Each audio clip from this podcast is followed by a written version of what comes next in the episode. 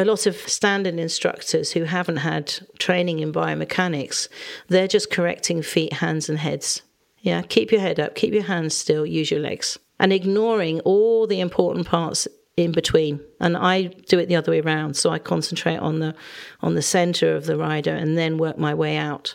So sometimes people have watched lessons and they said, My God, the rider had terrible hands. Why weren't you correcting it? I said, Because she has no control over the hands, because she has no control over her general balance yet.